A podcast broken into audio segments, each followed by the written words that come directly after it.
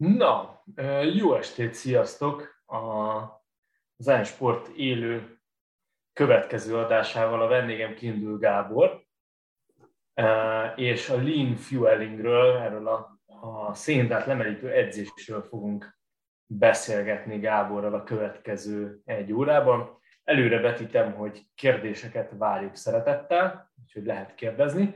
Én közben igyekszem nézni a telefonomon eh, a kérdéseket, mert most ezen fogom tudni nézni, eh, úgyhogy ezért nézek néha lefelé.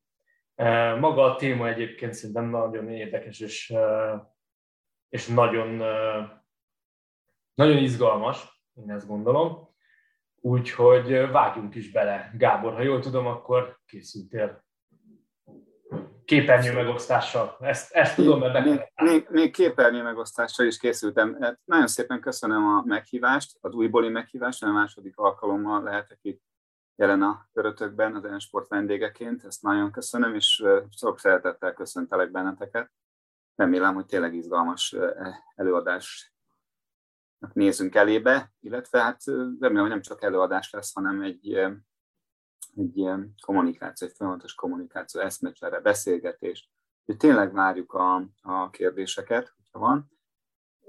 Ez a lean, lean fueling, vagy szénhidrát emerítő edzés típus, ez egy kicsit unortodoxnak számít még itt a, a, a edzés elméletek között, de, de azt gondolom, hogy van létjogosultsága.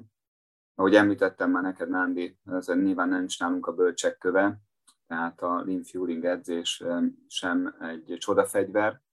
Azt szoktuk mondani, az élet maga a csoda. Úgy szoktam idézni Sophocles Antigoniából, szok ami csodálatos, de az embernél nincs semmi csodálatosabb. Uh-huh. És mint sok minden az életben, történelemben, az, ember, az emberiség történetében, az edzés is az alkalmazkodásról szól. És akkor el is kezdeném ezt a képernyő megosztást, jó, hogy haladjunk valamilyen tematika szerint és én, én a, ennek a, a szénhidrát gombot adtam ennek az előadásnak a kezdő gondolatának, mert hát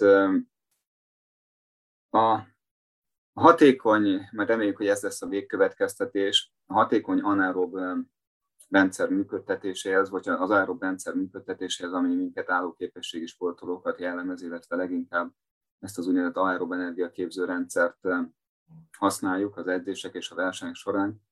Ez, eh, ez, eh, ez leginkább a szénhidrátokon keresztül befolyásolható. Persze, most sem árt, ha edzünk, és a szív, szívtüdőrendszert tartjuk karban, illetve azt fejlesztjük. Egy pillanat nyomok egy fötöt, és akkor már így talán szebb is a képernyő. Ugye most már a prezentációs mód működik. Tehát azzal kezdem, hogy legyen szó bármilyen sportteljesítményről, vagy csak egy izgalmas online előadáson való részvételről, vagy akármilyen, bár, bármilyen más tevékenységről, az életműködés fenntartásához az emberi szervezet sejtjének energiára van szüksége. Gondolom ezzel mindenki egyetért. Az emberi szervezet, főleg az izomsejtek, azt az, a kémiai elemekben lévő kötésekből, kémiai vegyületekben lévő kémiai kötésekből tudja nyerni. Itt például egy, egy ATP molekula látható, adenozin trifoszfát, ez a közvetlen üzemanyaga a izom működésnek. Ezt használja az izom, hogy össze tudjon húzódni. Ezt, ez bocsátja rendelkezésre azt az energiát, amely lehetővé teszi, hogy az izomrostjaink összehúzódnak. Ez a primér üzemanyag. Sajnos ezt nem lehet a kulasba tölteni, se vacsorára, ebédre elfogyasztani. Ezt úgynevezett energiát adó tápanyagokból tudja a szervezet előállítani. Ez is azt hiszem már ismert, vannak szénhidrátok, vannak zsírok, és vannak aminósavak. Az aminósavakat nem igazán nevezném, a fehérjéket nem igazán nevezném energiaforrásnak, nem túl szerencsés, hogyha a szervezet aminósavakból, illetve fehérjékből nyeri a az energiát, ezeknek más a szerepe a szervezetben, erről is lesz szó később. Elsősorban a, a, a zsírok és a szénhidrátok azok, amelyek az energiát szolgáltatják az aerob sporttevékenységhez. Tehát amikor, amikor viszonylag alacsony intenzitással edzünk, vagy versenyzünk, mert az időtáv az nem teszi lehetővé azt, hogy folyamatosan az aerob tartományban működjünk. Viszonylag egyszerű ez a folyamat, itt kivetítem ezt az ábrát, tehát igazából tulajdonképpen csak ezzel kell tisztában lenni, és ezt fejből felmondani reggel, délben, este, és akkor már a sport teljesítmény az vitathatatlan és magas szintű. Na, ez csak vicc volt. Nyilván, tehát megnézzük a, egy ilyen sematikus ábrán, ami tulajdonképpen ennek az ábrának a leegyszerűsített verziója, fel tudjuk rajzolni ezt a három energiát adó tápanyagot, és egy viszonylag egyszerű úton keresztül eh, állíthatók elő ebből eh, az a kémiai energia, illetve az az ATP molekula, amely a kémiai energiát szolgáltatja az izomműködéshez. Ugye itt vannak ezek a fehérjék, a szénhidrátok és a zsírok, de még, mint ahogy említettem, a fehérjéket azért óvatosan kezelni, mint energiát adó tápanyagot. Azzal is sokan tisztában vagytok már, hogy az energiaképzésnek két útja van, egy visszajelzés jött, hogy megszakadt az adás, de én ezt nincs visszajelzésem. Megnéznéd ezt? Nézem én folyamatosan, és nem tudom, hogy ez nálunk probléma-e, vagy pedig a nézőnél probléma, mert én... Igen, ezt a Neli jelezte vissza most, hogy megszakadt az adás, pedig ő nézi. Egy fél pillanat. Igen, most nála, mert én is itt megpróbáltam itt a telefonon. Azt mondja a Norbi, hogy minden oké okay nála. Minden oké, okay. köszönjük a visszajelzést. Hát a cybertér ez már csak ilyen, hogy azért vannak bizonyos problémák néha. De hát ott tartottunk, hogy ugye az életműködéshez és az izom működéshez és energiára van szükség, a primér üzemanyaggal nem nagyon foglalkozunk, mert azt nem tudjuk kulacsba tölteni, illetve vacsorára, reggelire, ebédre elfogyasztani. Ezt a primér üzemanyagot, úgynevezett energiát adó tápanyagok szolgáltatják. Két útról beszélhetünk, az aerob, illetve az anaerob útról. Az anaerob út során gyakorlatilag csak szénhidrátot, glükózt tudunk elégetni viszonylag alacsony hatékonysággal, de gyorsan jutunk energiához, míg az aerob módon történő energiaképzés az történhet szénhidrátokból és zsírokból, illetve elsősorban zsírokból, de azt is tudjuk már, hogy, az energi- hogy a zsírok a szénhidrátok tüzében égnek el. Nagyon fontos ez a jobb alsó sarokban látható is megjegyzés, hogy a folyamatokat enzimek katalizálják és szabályozzák. Ezek az enzimek, ezek a fehérjék. A fehérjéknek nem, ez, nem az energiaszolgáltatás az elsődleges szerepük, de, de óriási szerepük van a hatékony energiatermelő rendszer működtetésében. Az, hogy ez az energiaképzés hatékony legyen, ahhoz szükség van optimális pH-ra, tehát sav bázis egyensúlyra, illetve optimális hőmérsékletre, valami fajta homeosztázisra. Persze szoktam tenni ezt az ábrát is, hogy azért tudjuk azt, hogy, hogy, hogy mit jelent az, hogy aerob, illetve anaerob tartomány, mit jelent az, hogy aerob küszöb, mit jelent az, hogy anaerob küszöb, és hogy miben különbözik egy, egy, egy amatőr sportoló és egy főmunkaidőben sportoló profi laktátgörvéje között, ami azt mutatja meg, hogy mikor, milyen tartományban végzi az adott sportoló a sporttevékenységet. Ugye az árob küszöb az, amikor, amikor még, még el tudja úgymond dolgozni a szervezet azt a, azt a teljesabb mennyiséget, amely mindenképpen keletkezik az izomműködés során. Ez az aerob küszöb. Az anaerob küszöbnél pedig gyakorlatilag megszűnik a zsírégetés, és már csak színtisztán szénhidrátból nyerjük a, a, az energiát, és bizony elkezd a teljesabb felhalmozódni, és ez, ez bizony nagyon kellemetlen jelenség, és egy idő után a szervezetünk ezt nem tolerálja tovább, és letilt, nem tudunk tovább haladni azzal a intenzitással, amely már anaerob tartományt jelent. Azt is látható, hogy egy amatőr versenyző esetén, vagy kevésbé edzett sportoló esetén, ez úgynevezett laktárgörbe, ez, ez, ez ilyen finoman emelkedik, még egy sport, még egy edzősportolónál viszonylag magas intenzitás mellett is látható, hogy még mi mindig az aerob tartományban dolgozik, és hirtelen emelkedik meg a, a laktát mennyiség a a szervezetében. Ez azt jelenti, hogy egy edzett sportoló, és ez nagyon fontos megállapítás, még magas intenzitás mellett is elsősorban zsírt éget, mert az aerob energiatermelő rendszere az jól felkészült. Mit jelent az aerob-anaerob tartomány az energiaképzést tekintve, illetve az energiát adó tápanyagok felhasználását tekintve? Az azt jelenti, hogy minél jobban nyomjuk a gombot, minél intenzívebben edzünk, vagy versenyzünk, vagy egyáltalán haladunk, vagy használjuk az izmainkat, annál inkább fordul a szervezet a szénhidrátok felé. Ugye a 85%-os intenzitásnál már kb. 88% a szénhidrát felhasználás és 12% a zsírfelhasználás. De ahhoz, hogy, hogy a zsírok még alacsony tartományban is tudjanak élni, ahhoz is kell szénhidrát, mert a, szén, mert a zsírok a szénhidrátok tüzében égnek el. Körülbelül így néz ki egy ilyen intenzitás ábra.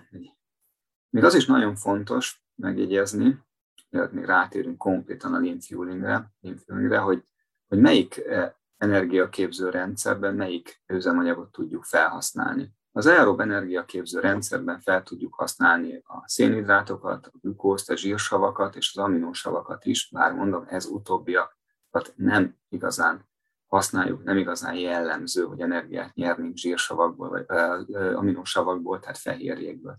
Anaerob módon viszont csak a glükózból, csak szénhidrátból tudunk energiát nyerni, viszont ez az anaerob energiaképzés, hát ez nem túl hatékony abban a tekintetben, hogy bizony két ATP állítható, el, ilyen, állítható elő egy glukóz molekulából ilyen módon, míg aerob körülmények között ez 38 azért ez szignifikáns, ez a csak nem 20-szoros szorzó, de azt hozzá kell tennem, hogy ez az úgynevezett lassú energia. Lassú, de sok. Míg az anaerob munka az gyorsan rendelkezésre áll a szervezetnek, de viszont rendkívül alacsony a hatékonysága.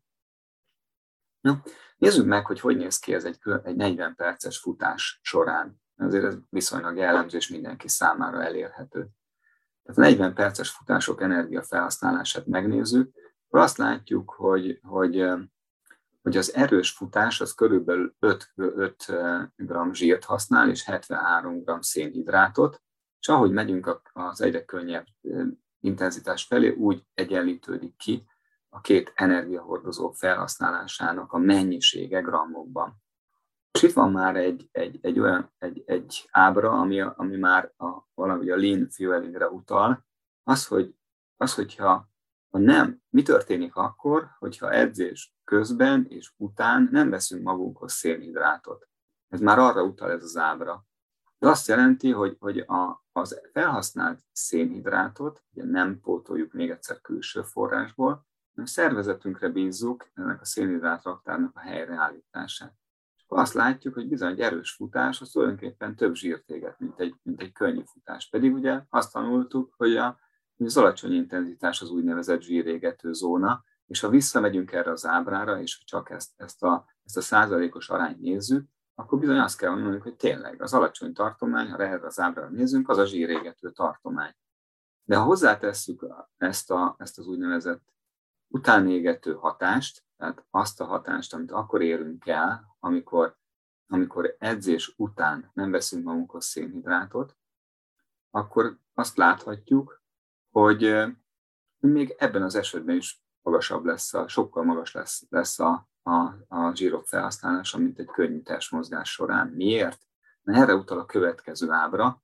Ugye ez hasonlít arra az ábrára, amit az előbb mutattam, hogy hogy, hogy jut az, a, az izom sejt energiához, hogy kévezzük az ATP-t. De mi van akkor, amikor leállunk? És hogy állítja helyre a szervezetünk az energiaraktárait? Mert bizony, ez egy komoly vészhelyzet a, a, a szervezet számára, amikor azzal szembesül, hogy bizony elfogyasztottunk jó sok szénhidrátot, pedig az a szénhidrát ahhoz is kell, hogy a szinte végtelen mennyiségben meglévő zsírokat, zsírsavakat mobilizálni tudjuk mert a zsírok a szénhidrátok tüzében égnek el. Hát az életműködés kerül veszélybe, hogyha nincs elég szénhidrát a szervezetünkben. Nem, nem frissítünk, nem, bocsánat, nem viszünk be szénhidrátot edzés után, mi történik a szervezetünkbe? Kétségbe esik, depresszió, stb. Nem, egy idő után meg fogja tudni oldani ezt magától is ezt a problémát. De sokszor szoktam elmesélni azt, amivel nem, nem egyszer esett meg, hogy a hosszú bringa legtá, otthontól legtávolabbi pontján frissítő pénzeszközök és a környezetben lévő érett gyümölcsök hiányával kellett szembesülnöm, és úgy éheztem el, és akkor mi volt a megoldás? Még helyből távolban nézéssel is helybe lehetett állítani azt a delíriumot, ami hogy akkor keletkezik, a bonking, a divatos angol szóval, amikor elfogynak a szénhidrátok. Mert a szénhidrátok, mert az agy, az csak szénhidrátot tud égetni. Csak szénhidráttal működik. És ha elfogy a szervezetünkből a szénhidrát, mert lemerítjük, akkor bizony a, a, az agyműködésünk is egyre lassabb lesz csökken a motiváció, csökken a koncentráció, elálmosodunk, nem tudjuk felvinni a pulzust, esik a pulzus, már nem tudjuk növelni, és aztán szépen lassan közeledik a zárokpart, majd az árok. Ez nem sokszor előfordul, de azt is megfigyeltem ilyenkor, hogy régebben, nem mostanában, természetesen csak régebben, amikor még nem voltam ennek a tudásnak a birtokában, de tényleg helyből távolban nézéssel, tehát csak pihenéssel is helyre tudja állítani a, a szénhidrát raktárakat a szervezet. Méghozzá hogyan? Ugye a kihívás az az, hogy a glikogén raktárakat helyreállítsuk. Ez itt a kihívás. Picit Gábor, mert, mert azt hiszem meg vagyunk, illetve megfagyott egy picit a, a rendszer. Igen, ajaj. Nem tudom, hogy mi a, mi a gond, de most megpróbálok egy-két dolgot hm. csinálni. Igen, itt nem is jelezte ezt. Nem tudom, hogy mi a helyzet. Talán most rendben van most már. És hol szakadt meg vajon? Honnan kezdjük újra esetleg? Szerintem uh, itt egy olyan egy perccel ezelőtt. Csak egy perccel ezelőtt? Jó. Aha, igen, igen, igen. Kapsz, kapsz visszajelzéseket? Kapok, igen. igen, igen. Aha tudnál rájtani, hogy nincs mert jó, megköszönöm. Jó, oké. Okay. Jó, hát én a technikai ördöge. Sokan vagyunk szerintem ezen az országúton mostanában, ilyen tájban, mármint amit a Facebookot jelenti. Igen. De szóval tartottunk, hogy, hogy viszonylag könnyen modellezhető, illetve leírható az a, az a rendszer, amivel előállítjuk a, előállítja a szervezetünk a, a zsírokból, a, illetve a szénhidrátokból, illetve más energiát adó tápanyagból az úgynevezett ATP-t, a primer üzemanyagot. De most ugye azt a helyzetet nézzük, amikor beértünk, a, befejeztük a, a, a, az edzést, akkor mi történik? Ja, ahogy említettem, tulajdonképpen egy vészhelyzettel szembesül az emberi szervezet, hiszen még a szinte szinte végtelen mennyiségben meglévő energiaraktárat, a zsírokat is csak szénhidrát jelenlétében tudja hasznosítani, mert a zsírok a szénhidrátok közében égnek el. Úgy tűnik, hogy az oxálecet savat, amit szénhidrátok szállítanak, és szükséges a zsírégetés, ezek az csak szénhidrátok tudják biztosítani, hogy egy kicsit tudományosak is legyünk, de ezt tényleg csak zárójelben gyorsan felejtsétek el. Tehát a lényeg az, hogy a zsírok a szénhidrátok tüzében égnek el, tehát a szervezetnek mindig szüksége van szénhidrátra ahhoz, hogy egy hatékony aerob energiatermelő rendszert fent tudjon tartani. És bizony, amikor véget ér az edzés, akkor azzal szembesül a szervezetünk, nincs elég glikogén, illetve elfogyott egy bizonyos, vagy éppen nagy mennyiség, hogy ezt helyre kell állítani. Mi van akkor, ha ezt nem állítjuk helyre olyan módon, hogy, hogy azonnal nekiesünk a hűtőszekrény tartalmának, és elfogyasztunk egy fél tál mézes krémest tehát nem viszünk be semmilyen szénhidrátot edzés után közvetlenül, testmozgás után, kivárunk mondjuk fél, egy, esetleg két órát, vagy még többet. Mi történik ekkor? Elindul visszafelé az a folyamat, amit már ismertek, hiszen az előbb bemutattam. Nézzük, hogy, hogy vajon visszafelé van-e út. Ugye a citrátkör és utána következő terminális oxidáció az a rendszer, ami előállítja az ATP-t, de ez a rendszer működik visszafelé is, tehát induljunk ki a citrátkörből, és induljunk ki két nagyon fontos molekulából, az acetil koenzimából és a piroszőlősavból. Tehát a citrátkör igenis ki tudja termelni az acetil koenzimát, és abból bizony lesznek zsírsavak. Sajnos ez sok esetben működik. Tehát nem gond igazából a szervezetnek zsírsavakat, zsírokat előállítani, és azokat nagy mennyiségben tárolni hát sok embernek ez komoly kihívást jelent, ez az élettani jelenség. De most már legalább tudjuk, hogy ez a, ez a háttere. Hát ez ide-oda működik. Tehát a zsírsavakból lesz acetilkoenzimá, a zsírokból, és az acetilkoenzimá, és tud zsírsavakká alakulni. Ez az úgynevezett beta-oxidáció, amikor ugye az energia képzés működik. Igen, itt van egy piros nyíl, ez nagyon fontos. Az, hogy, az, hogy ugye ezt a, ezt a ezt a szép zöld nyilat kéne folytatnunk felfelé, hogyha azt tudnánk mondani, hogy a zsírokból lesz majd a glikogén. Nem ilyen egyszerű helyzet, mert acetilkoenzimából soha nem lesz piroszöllősav. Hát itt ez a, ez a folyamat megszakad. És akkor azt mondhatjuk, ó Isten, mégse lesz a zsírokból glikogén. Nézzük csak tovább az ábrát. A piroszöllősavból lesz, lesz soha aminosabb, mert már hiányzik belőle a nitrogén. Ugye ez a folyamat is itt megszakadt. Na, akkor, akkor mi lesz itt? Egyébként aminosavakból lehet, lehet glikogén, bizonyos aminosavakból, de az pedig nem túl gazdaságos folyamat, hiszen egy fáradt szervezetnek kéne úgymond dezaminálni ja, az aminosavat, hogy aztán abból legyen glikogén. Ez egy energiát igénylő folyamat, mire elmondom, én elfáradok, hogy hogy tudna aminosavból glikogént elállítani a szervezet, még egyszer mondom, akkor, amikor leállt az edzés leálltunk, és ugye szembesül a szervezetünk ezzel a vészhelyzettel, hogy úristen glipogént kell elállítanunk. Én azt gondolom, hogy ez a folyamat, ez csak abban az esetben működik, amikor a szervezet az edzés során óhatatlanul megsérült izomrostokból származó fehérjéket és, és abból keletkező aminósavakat használja fel, mert a szervezet egy, egy rendkívül pragmatikus rendszer, és nem fogja veszni, hagyni azokat a azokat a sérült elemeket, vegyületeket, amelyek még hasznosíthatóak. De ez nem egy úgynevezett hivatalos szóval mainstream, vagy fő irányvonala a glikogén újra előállításának.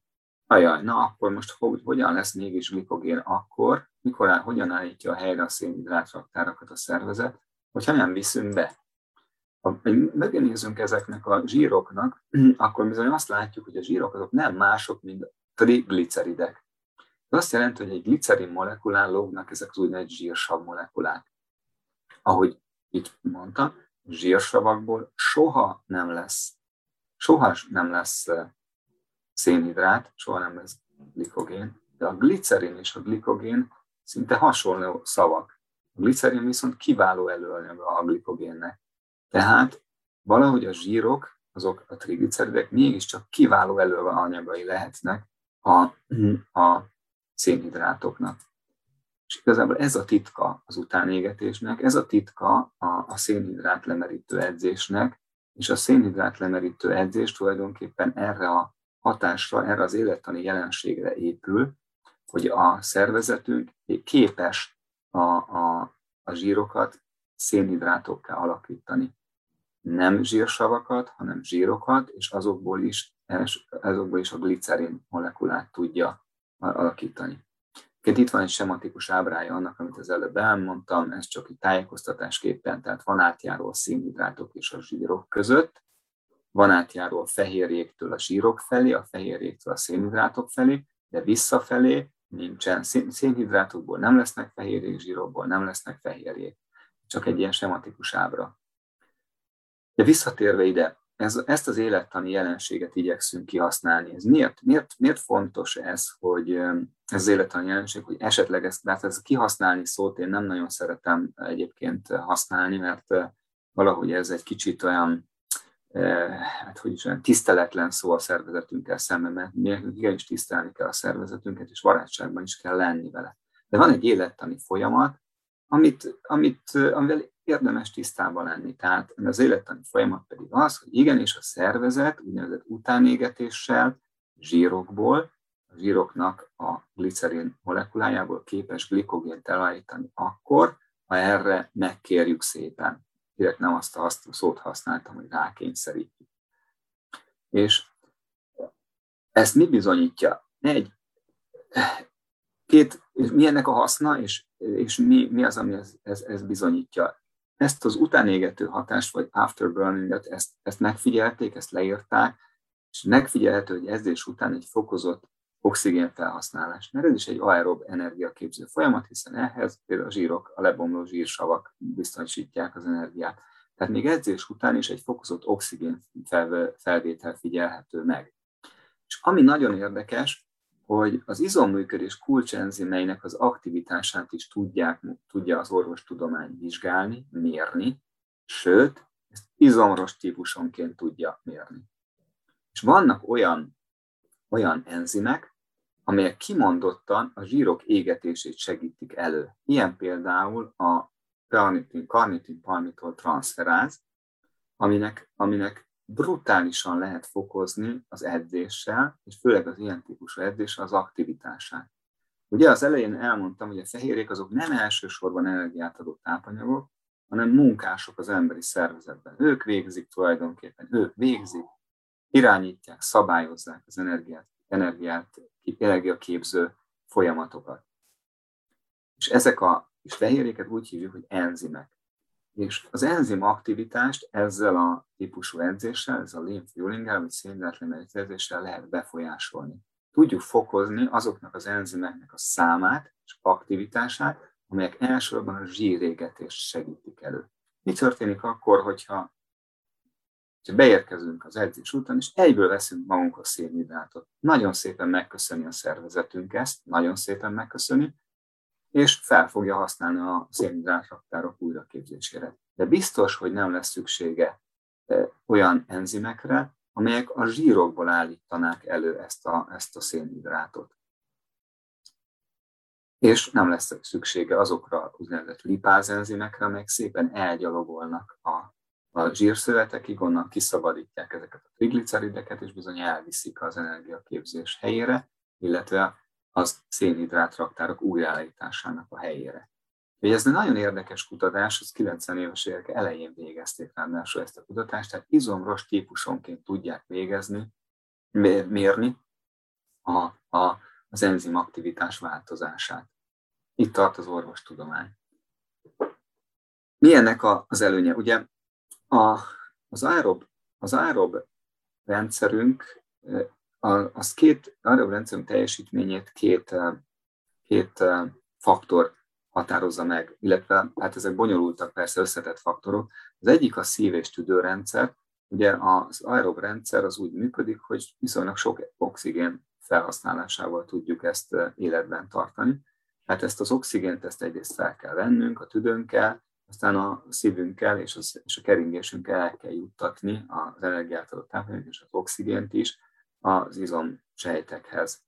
Ez az egyik komoly faktor, az úgynevezett szívtüdőrendszer. De ugye visszatérve ide, bocsánat erre az ábrára, ugye a másik faktor az, hogy vajon rendelkezésre áll-e az, és megfelelő mennyiségben az az enzim hadsereg, amely ezt a munkát el tudja végezni. Úgyhogy azt gondolom, hogy érdemes ezt az úgynevezett szénhidrát lemerítő edzést, ezt időnként ha nem is túl gyakran, de beiktatni az edzésprogramba.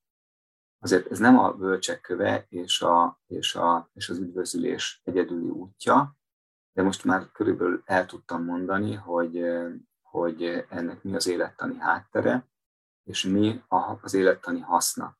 Azt is kell tudnotok, hogy ezek a szénhidrát lemerítő edzések, illetve ez az úgynevezett utánégető faktor, utánégető rendszer, amikor a zsírokból a pihenő időszakban, közvetlenül edzés után elsősorban a szervezet maga állítja elő a szénhidrátraktárokat, maga állítja helyre a szénhidrátraktárokat, tehát állít elő glikogén. Ez, ez egy rendkívül pragmatikus rendszer, de ez a folyamat, ez a kezdetekben 24-48 óra. És ugye minél jobban hozzászokunk ehhez, hozzászoktatjuk, annál, annál jobban rövidül ez az idő. De, de idő kell a, a helyreállításhoz. Tehát ha valaki mondjuk hármat edz naponta, akkor nem biztos, hogy ez az üdvözülés útja, de lehetnek olyan edzésnapok, amikor ezt be tudja iktatni. És azt is tudni kell, hogy, hogy, hogy ehhez a fajta edzéstípushoz való alkalmazkodás is egy bizonyos időt vesz igénybe. Ugye, gondolom tisztán vagytok azzal, hogy egy seb az mennyi idő gyógyul meg, egy, egy csonttörés mennyi idő alatt gyógyul meg, ez mennyi idő alatt forr össze egy, egy eltört csont, össze azt szokták mondani, hogy egy szöveti gyógyulás időtartam az 4-6 hét. Ez vonatkozik erre a rendszerre is, Tehát 4-6 hét az, a, az, a, az az időintervallum, míg a szervezet alkalmazkodik ehhez az edzés típushoz. És, és, és adoptálja ezeket az ingereket, amiket ilyen módon adunk. És nem, tényleg az edzés egyébként nem más, mint, mint alkalmazkodás, mint egyfajta evolúciós folyamat. Alkalmazkodik a szervezetünk ahhoz az ingerhez, amit mi adunk neki az edzéssel.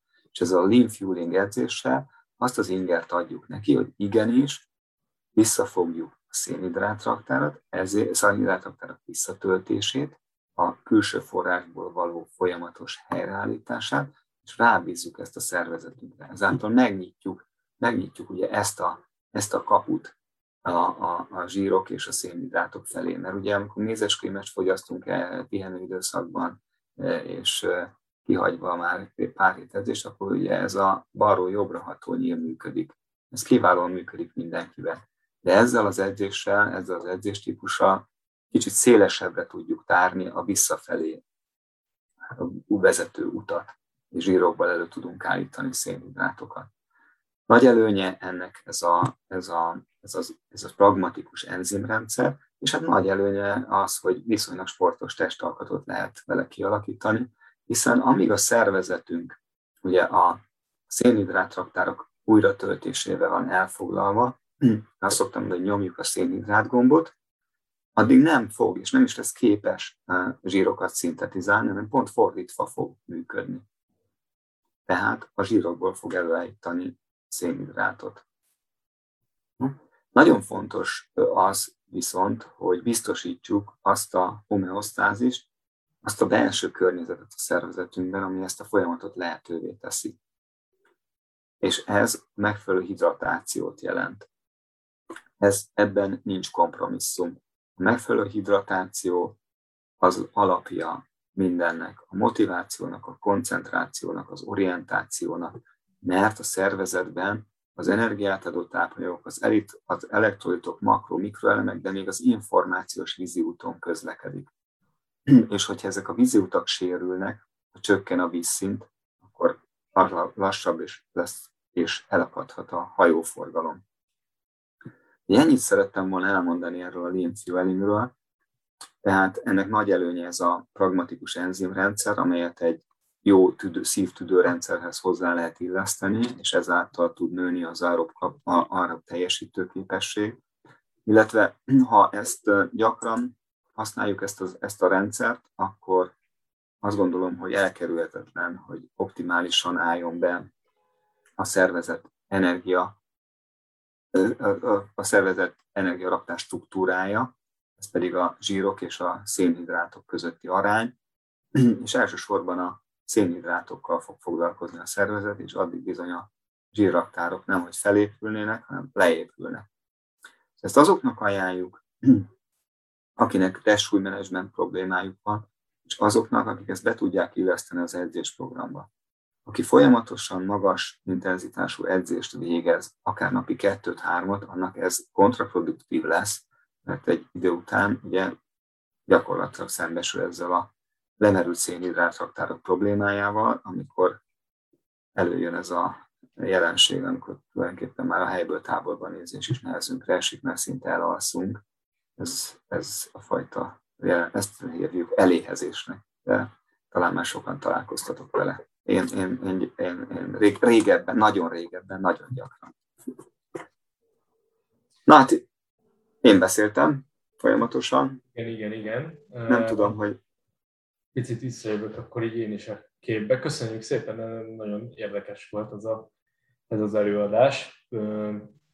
Talán egy picit tudományos is, és egy így érthetővé, érthetővé fogalmazva ezt az egészet. Ugye, ha jól értem, arról van szó, hogy bizonyos edzéseknél érdemes ugye a frissítést visszafogni, mind edzésen, mind pedig maga edzés után. Ez pedig nem csinál mást, mint a, a zsírokból megnyitja az utat, vagy jól emlékszem, így fogalmaztál, a szénhidrátok előállításába, és ez fogja visszatölteni a glikodén raktárakat. Azt is elmondtad, hogy regenerációs szempontból ez ugye nem egy jó edzés, illetve nem egy jó módszer, abból a szempontból értem ezt, hogy aki kettőt, hármat edz, és intenzív edzés munkát kell végezni, tehát mondjuk van egy nehéz úszás a reggel, és egy nehéz kerékpározás a délután, az ne reggel gyakorolja ezt az edzést, mert a délutáni minőségi munkát, ezt garantáljuk, hogy teljesen uh, tacsra lehet vágni ezzel. Uh, mi azt mondtad, hogy testsúly menedzsmentben nagyon fontos, vagy lehet ennek egy, egy fontos szerepe. Ezen felül mégis az edzettséggel összefüggésben tudsz-e bármilyen szabályt mondani, hogy amatőröknek, már úgy értem, hogy kezdőknek, haladóknak, mi az a szint, amikor ezt te azt mondod, hogy el, érdemes elkezdeni ezt a fajta edzést. Illetve nem is azt mondom, hogy ezt a fajta edzést, hanem ezt a fajta edzést és táplálkozást együtt, mert ez Igen. edzésről szól. Igen, igen, igen. Ez nagyon fontos tisztázni, hogy, hogy, e, hogy, a, hogy az, az a lymph fuelinghez is tartozik egy nagyon precíz frissítés, amely elsősorban a hidratációt szolgálja, és a hidratáció az nem más, mint a folyadék és az elektrolit bevitel. Ahogy, amit említettem, ebben nincs kompromisszum. Visszatérve ide, bocsánat, erre az ábrára. Az, lehet hangomat hallani egy picit. Ja, bocsánat, én, én csináltam valamit. Aha. Jó, tehát a, a kérdésre visszatérve, hogy mikor én azt gondolom, mindenkinek ajánlható ez, de, de figyelembe kell venni egyrészt azt, hogy hol tart edzettségben, másrészt figyelembe kell venni, ahogy mondtam, ezt az alkalmazkodást. Tehát, hogy azért ne vár, ne, tehát először ez nem fog jól esni, az biztos, és hagyni kell a szervezetet ehhez, ehhez alkalmazkodni. Tehát hagyjuk meg az időt, hogy alkalmazkodni tudjon. És, és ne egyből a nullával kezdjük hanem először fogjuk vissza. Ha eddig 60 g szénhidrátot vittem be óránként, akkor járjak vissza 40-re, aztán 20-ra, aztán nullára. De, de a nulla az, az, az inkább 4-6 hét múlva legyen esedékes, mikor elkezdi ezt valaki. És érdekes módon, ugye nagyon, nagyon kedvelem a, a Lionel Sanders, mert egy rendkívül nyitott, nyitott jelenség, egy, egy, egy nyitott szemléletű sportol, és minden titkát idézőjelben megosztja velünk, és, és ő is ő is e felé fordult nem, nemrég, és, büszkén mondta, hogy, hogy az edzésein igenis fokozatosan visszafogja a szénhidrátbevitelt, és, és a hidratációt helyezi előtérbe. Tehát ez azt jelenti, hogy, hogy szinte biztos, hogy ezt, ezt, a, ezt a genetikus hatást, ezt már azért a profi sportok régóta használják. Hát mondjuk a legutolsó bizonyíték a Lionel Sanders, aki azért egy ilyen nagyon komoly eredményekkel rendelkező hosszú távú triatlonos, úgyhogy mindenkinek ajánlom, de fokozatosság, mértékletesség legyen az alapelv. Tehát nem egyből neki esünk, és te velünk lesz tele a, a, a út menti árok, mert eléhezünk, hanem ezt fokozatosan alakítsuk ki. És az, amit mondtál, az, az teljesen igaz, tehát ne a reggeli 5000 méteres edzés után, edzés után gyakoroljuk ezt a 100, 120 kilométeres résztávos kerékpár edzés közvetlenül megelőzően, az kellemetlen lesz. És talán ide tehetjük azt is, hogy nem is versenyszezonban, vagy nem is versenyekhez közel kell ezeket elkezdeni gyakorolni, mert ugye, hogy mondtad, hogy ennek a regenerációs ideje azért elég hosszú tud lenni, főleg a kezdeti időszak. A kezdetekben, igen. Igen, az, ugye teljes, teljes az szinten traktának ilyen módon történő teljes helyreállítás egyébként is 24-48 óra, ezeket jól lemerítjük, de nyilván, ahogy alkalmazkodik a szerzés, kialakul ez a pragmatikus enzimrendszer, akkor ez már mondjuk 24 óra, de tényleg nem a verseny megelőző héten vagy három napban kell ezt forszírozni. Érkezett közben egy kérdés. Jól értem, hogy lassan szoktatni kell a szervezetünket az éhezéshez? Igen, de úgy kell, úgy kell elszoktatni, hogy ne tűnjön éhezésnek. Igen. Tulajdonképpen erről van szó, igen. Hát, szóval sokan mondják azt, hogy, hogy ugye egy hosszabb binga után, egy hosszabb futás után hazaérnek, és magukra rántják a hűtőszekrényt, olyan éhesek. De de ezt, ezt fokozatosan azért le lehet építeni, és, és ha tisztában vagyunk azzal, hogy hogy működik a szervezetünk, akkor egy kicsit tudunk vele beszélgetni, hogy úgy mondjam, meg tudjuk győzni arról, hogy mégse vagyok olyan éhes. Mondjuk tudok inni egy nagy pohár vizet, mondjuk két sótablettával, és az is már ad egy... Szóval mi a probléma egy kezdő sportolnál? Az a probléma, hogy van egy, egy nagyon konok, szinte azt mondom, hogy rossz indulatú hormon, amit a gyomor termel, ez a, ez a grelin nevű hormon. És bizony ez, ez, ez akkor keletkezik, amikor a gyomrunk kiürül. És, és ez bizony kínzó érzéseket kelt az agyban, mert ez, ez a grelinek a hatását az agyban fejti ki, és brutális éhezést jelent. De ezt is egy idő után el fogjuk tudni nyomni, meg ki tudjuk egy picit cselezni, bár sosem szoktam azt mondani, hogy egy szervezetünket ki kell cselezni, hanem együtt kell vele működni. Tehát van ez a jelenség, hogy, hogy, hogy bizony a, ez a grelin, ez, ez, ez komoly kínokat okoz nekünk, a kiürült gyomornak a, a hatására termelődik ez. Mindenképp érdemes ilyenkor, sőt, ez, ez kötelező, tehát edzés után kötelező a víz fogyasztás és a sótabletta fogyasztás, mert minden regeneráció alapja, a nulladik lépése a hidratáció. A hidratáció, ahogy, ahogy az utolsó ábrán mutattam, a szervezetben minden vízi úton közlekedik. Minden vízi úton közlekedik. Ha a hidratáció nem megfelelő, akkor az élettani folyamatok sem működnek, illetve nem megfelelő hatékonysággal működnek. Én az szoktam mondani, hogy a zsírbontást azt lehet tanítani, arról lehet tanítani a szervezetet, a dehidratációra nem. Tehát... nem, nem, nem, nem érdemes. Nem érdemes. A macskát előbb tanítjuk meg ugatni, mint erre. Igen, igen, igen, igen. Uh, nagyon érdekes maga a téma itt ez az egész, és és tényleg sokszor látja az ember azt, hogy edzőként is sokszor látom azt, hogy, hogy de már ott tart a frissítés, vagy kicsit átestünk a túloldalra, vagy nem is tudom ezt hogy fogalmazzam. 20 évvel ezelőtt, amikor sportoltam, akkor, akkor jöttek így az izotóniás italok, figyeljünk erre, figyeljünk arra, így az edzés, úgy az edzés, és úgy elkezdtünk ezekre figyelni. Előtte tényleg csak mentünk és nyomtuk, és, és mint a süket a csengőt, legalábbis én fiatalon, tizenévesen, és, és ugye bejöttek ezek a, a táplálékkiegészítők, és most már sokszor azt látom, hogy a, azok, akik sportolnak és elkezdenek sportolni, akár egy fél órás, 40 perces, egy órás könnyű testmozgásra is már frissítést terveznek.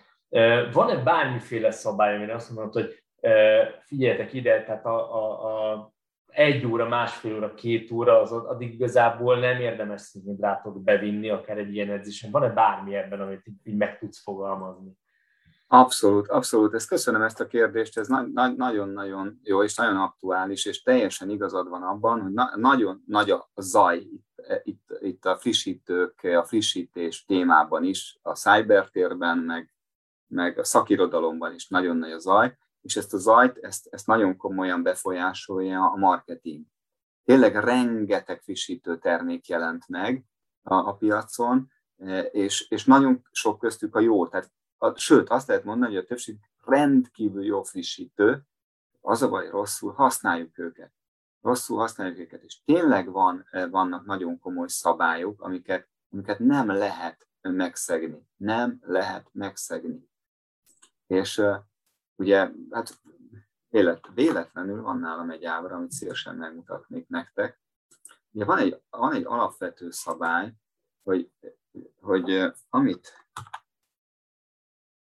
remélem, hogy sikerül, nem sikerül, nem sikerül. Jó, de látjátok a nem tudom prezentációs módba kapcsolni valahogy a képernyőt.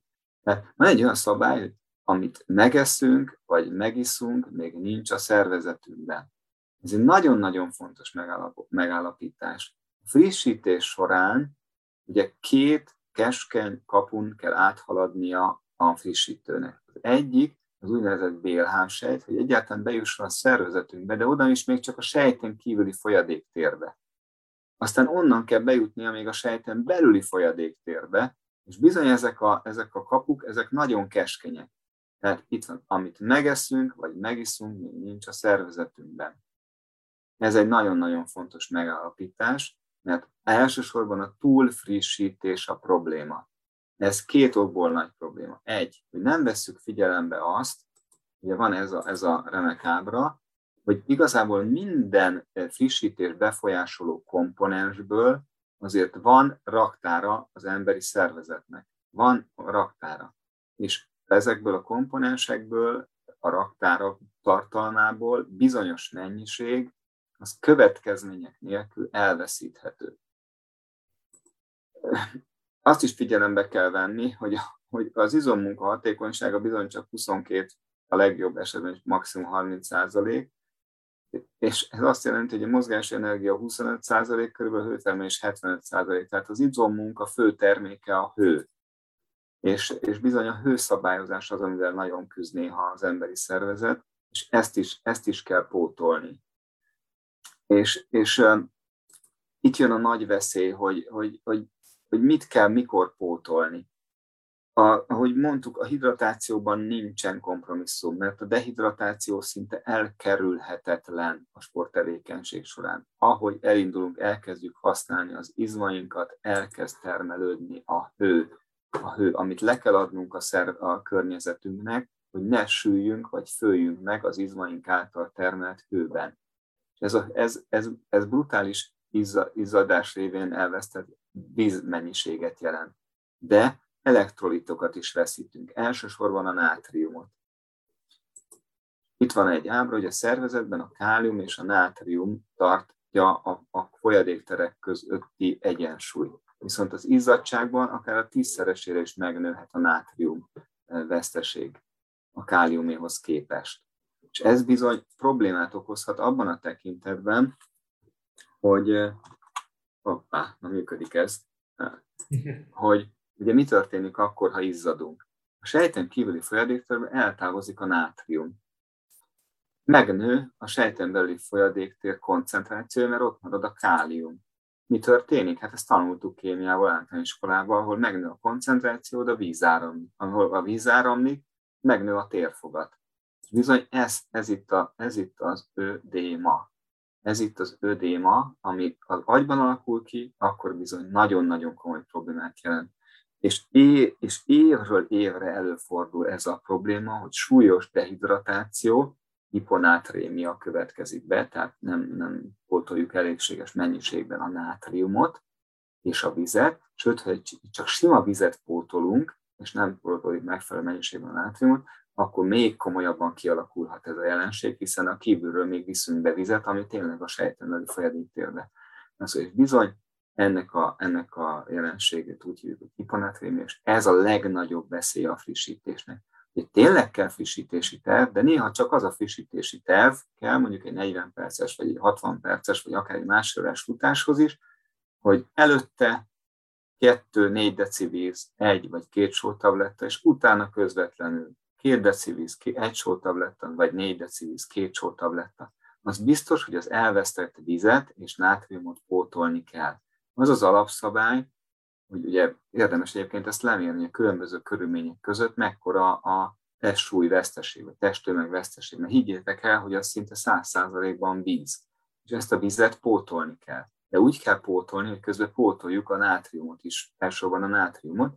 Tehát azt úgy tudjuk ökölszabályként megtenni, hogy minden deciliter vízhez kb. 100 mg nátrium jár. A nátriumnak legjobb forrása a konyhasó, annak 40%-a a nátrium. Úgyhogy ha valaki nem vízik a sótablettákkal, akkor pótolhatja ezt konyhasóval is.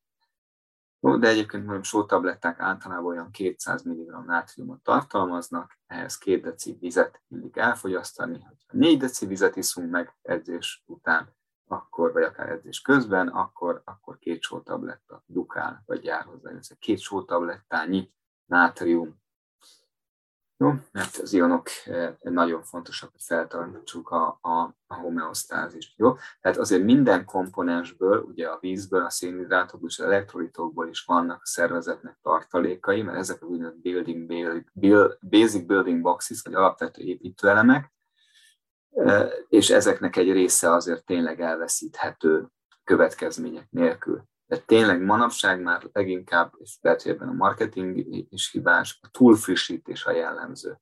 Mert ahogy, az, ahogy ugye az előbb mondtam, amit megiszunk, vagy megeszünk, még nincs a szervezetünkben. Bejut a tápcsatornába, a gyomorig bármi eljuttatható. És főleg a zselék veszélyesek, mert azok aztán óne bejtereszt nagyon minden további nélkül gyorsan eljutathatók a gyomorba kedvenc történetem 2008-as Budapest maraton, rakparton, a legerősebb szlovák srác, aki vitte az ellenszélben a front oldalt és, és a, a bolyt, kapott az edzőjétől egy zselét, lenyomta, én tudtam, hogy arra az van írva, ez egy régi típus zselé volt, hogy igyál meg hozzá négy deci vizet. Nagy bravúr lett volna, hogy az iram, iramfutás közben meg tudott volna inni akár két deci vizet is, de ő nem ivott meg semennyi. Tudtam, hogy vele nem kell számolni. Miért nem kell számolni? Mert nem jutott be a sejten, nem jutott be a, a távcsatornájából a szervezetébe ez a, ez a zselé. Sőt, nem, hogy nem jutott be, hanem pont ellentétes folyamatot indított el, vizet áramoltatott valószínűleg a gyomrába a szervezete, és láthatatlan módon dehidratálta. Nem érezhető módon dehidratálta. Mert ugye ez a jelenségnek kéne zajlania, hogy bejut a tápcsatornából e, a, a megfelelő oldat, mert minden frissítő a gyomorban legkésőbb oldattá válik, vagy úgy, hogy bölcsen mi oldattá alakítjuk, úgy, hogy megisszuk a zseléhez a vizet, megisszuk a silárd a vizet, és, és vagy éppen gondoskodunk arról, hogy már a kulacsunkban megfelelő, megfelelő koncentrációjú oldat kerüljön, ami aztán könnyedén bejut a, a, a, a szervezetünkbe, majd onnan pedig az energiaképzés helyére, a sejten belülre. Ugye a legnagyobb kihívása a frissítésnek az, hogy, az, hogy egyáltalán a gyomorból eljusson a felszívódás helyére a, a frissítő. És van egy, és ugye Patrick Lange, 2018, szenzációs, 8 órán belüli uh, Hawaii Kona uh, Ironman idő. A teljes távon folyadékkal frissítettem. Miért? Mert bölcs volt, hiszen megáll, meg, itt vannak egy tudományos kutatások megállapításai, de ő is megállapította és rájött, hogy minden frissítő legkésőbb a gyomorban folyadékká, oldattá válik. Itt van egy japán kutatás eredménye, a hipotóniás sportitalok a legjobb frissítő. A hipotónia azt jelenti, hogy a vérplazma, tehát a, a sejten kívüli folyadék vér koncentrációnál alacsonyabb koncentráció oldat. Ezt jelenti a hipotóniás sportital. Tehát ezek a legjobb frissítő.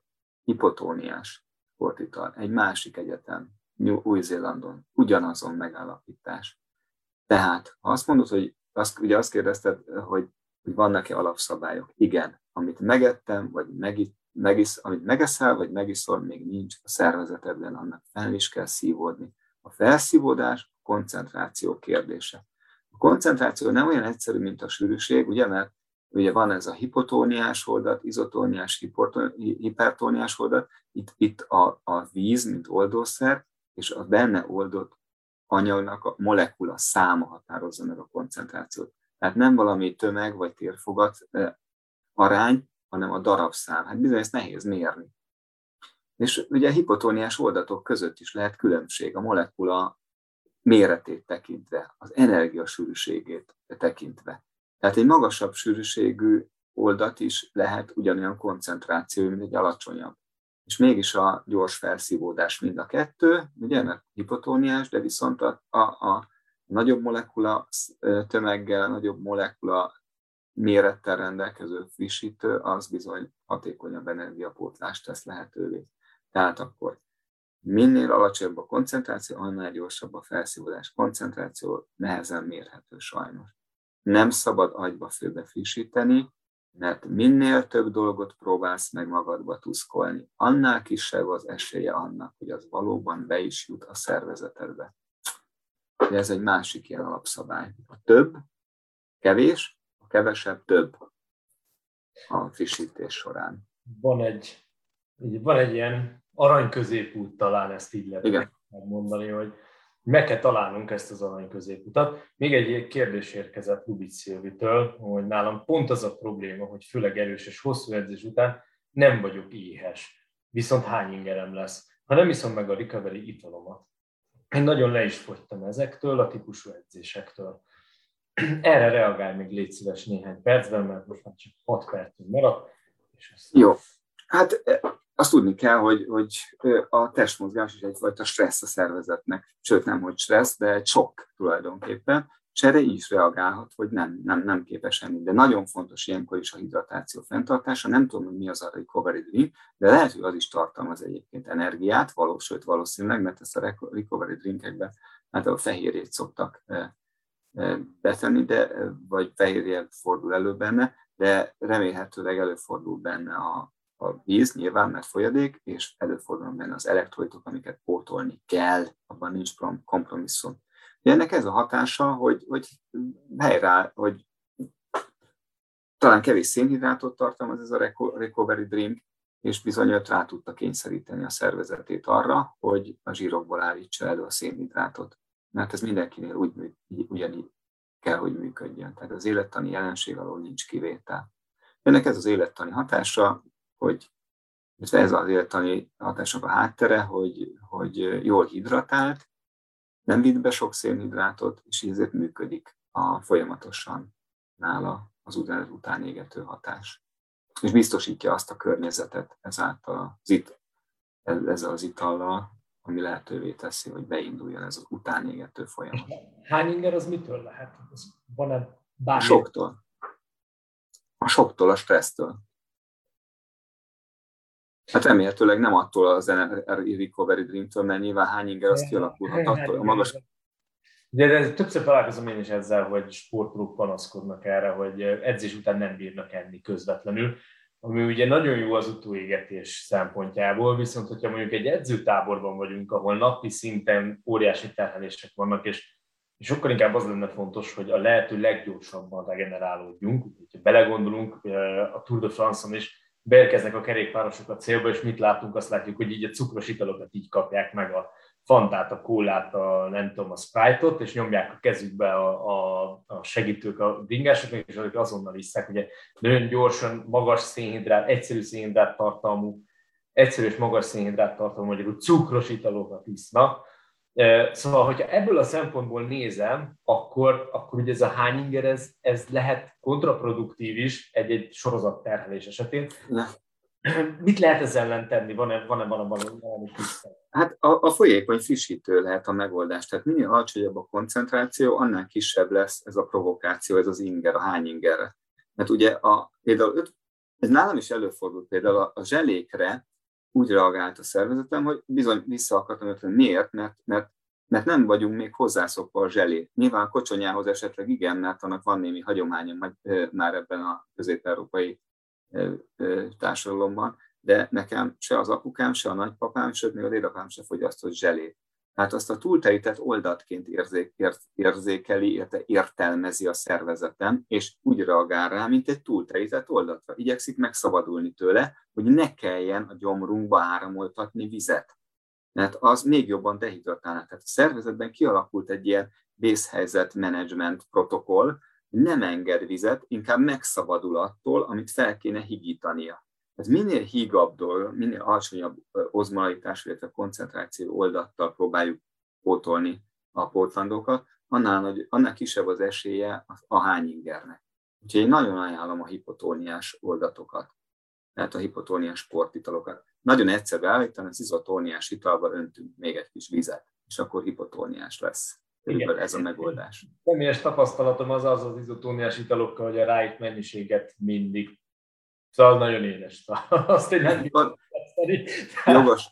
Mindig egy 66-75 százalékát szoktam felhasználni annak, amit, amit ráírnak erre ezekre. Az... Üdvözlendő, üdvözlendő ez az eljárás, igen. Hát ugye, tudod, mi, hát én, én sajnos még régebb volt a sportoló, mint te, vagy nem sajnos, de, de sőt, hála Isten, régóta sportolok, és ugye hát a kóla az, az egy kedvenc frissítő volt, és nem véletlen, hogy, hogy fele-fele arányban kell használni, ugye? Tehát, tehát pont a, a kóla folyékony, és tök könnyen elfogyasztható, és, és nem is nagyon édes. És képzeljétek el, hogy kétszerese a koncentrációja a vérplazma koncentrációjának. Tehát egy túltelített oldalt még az is.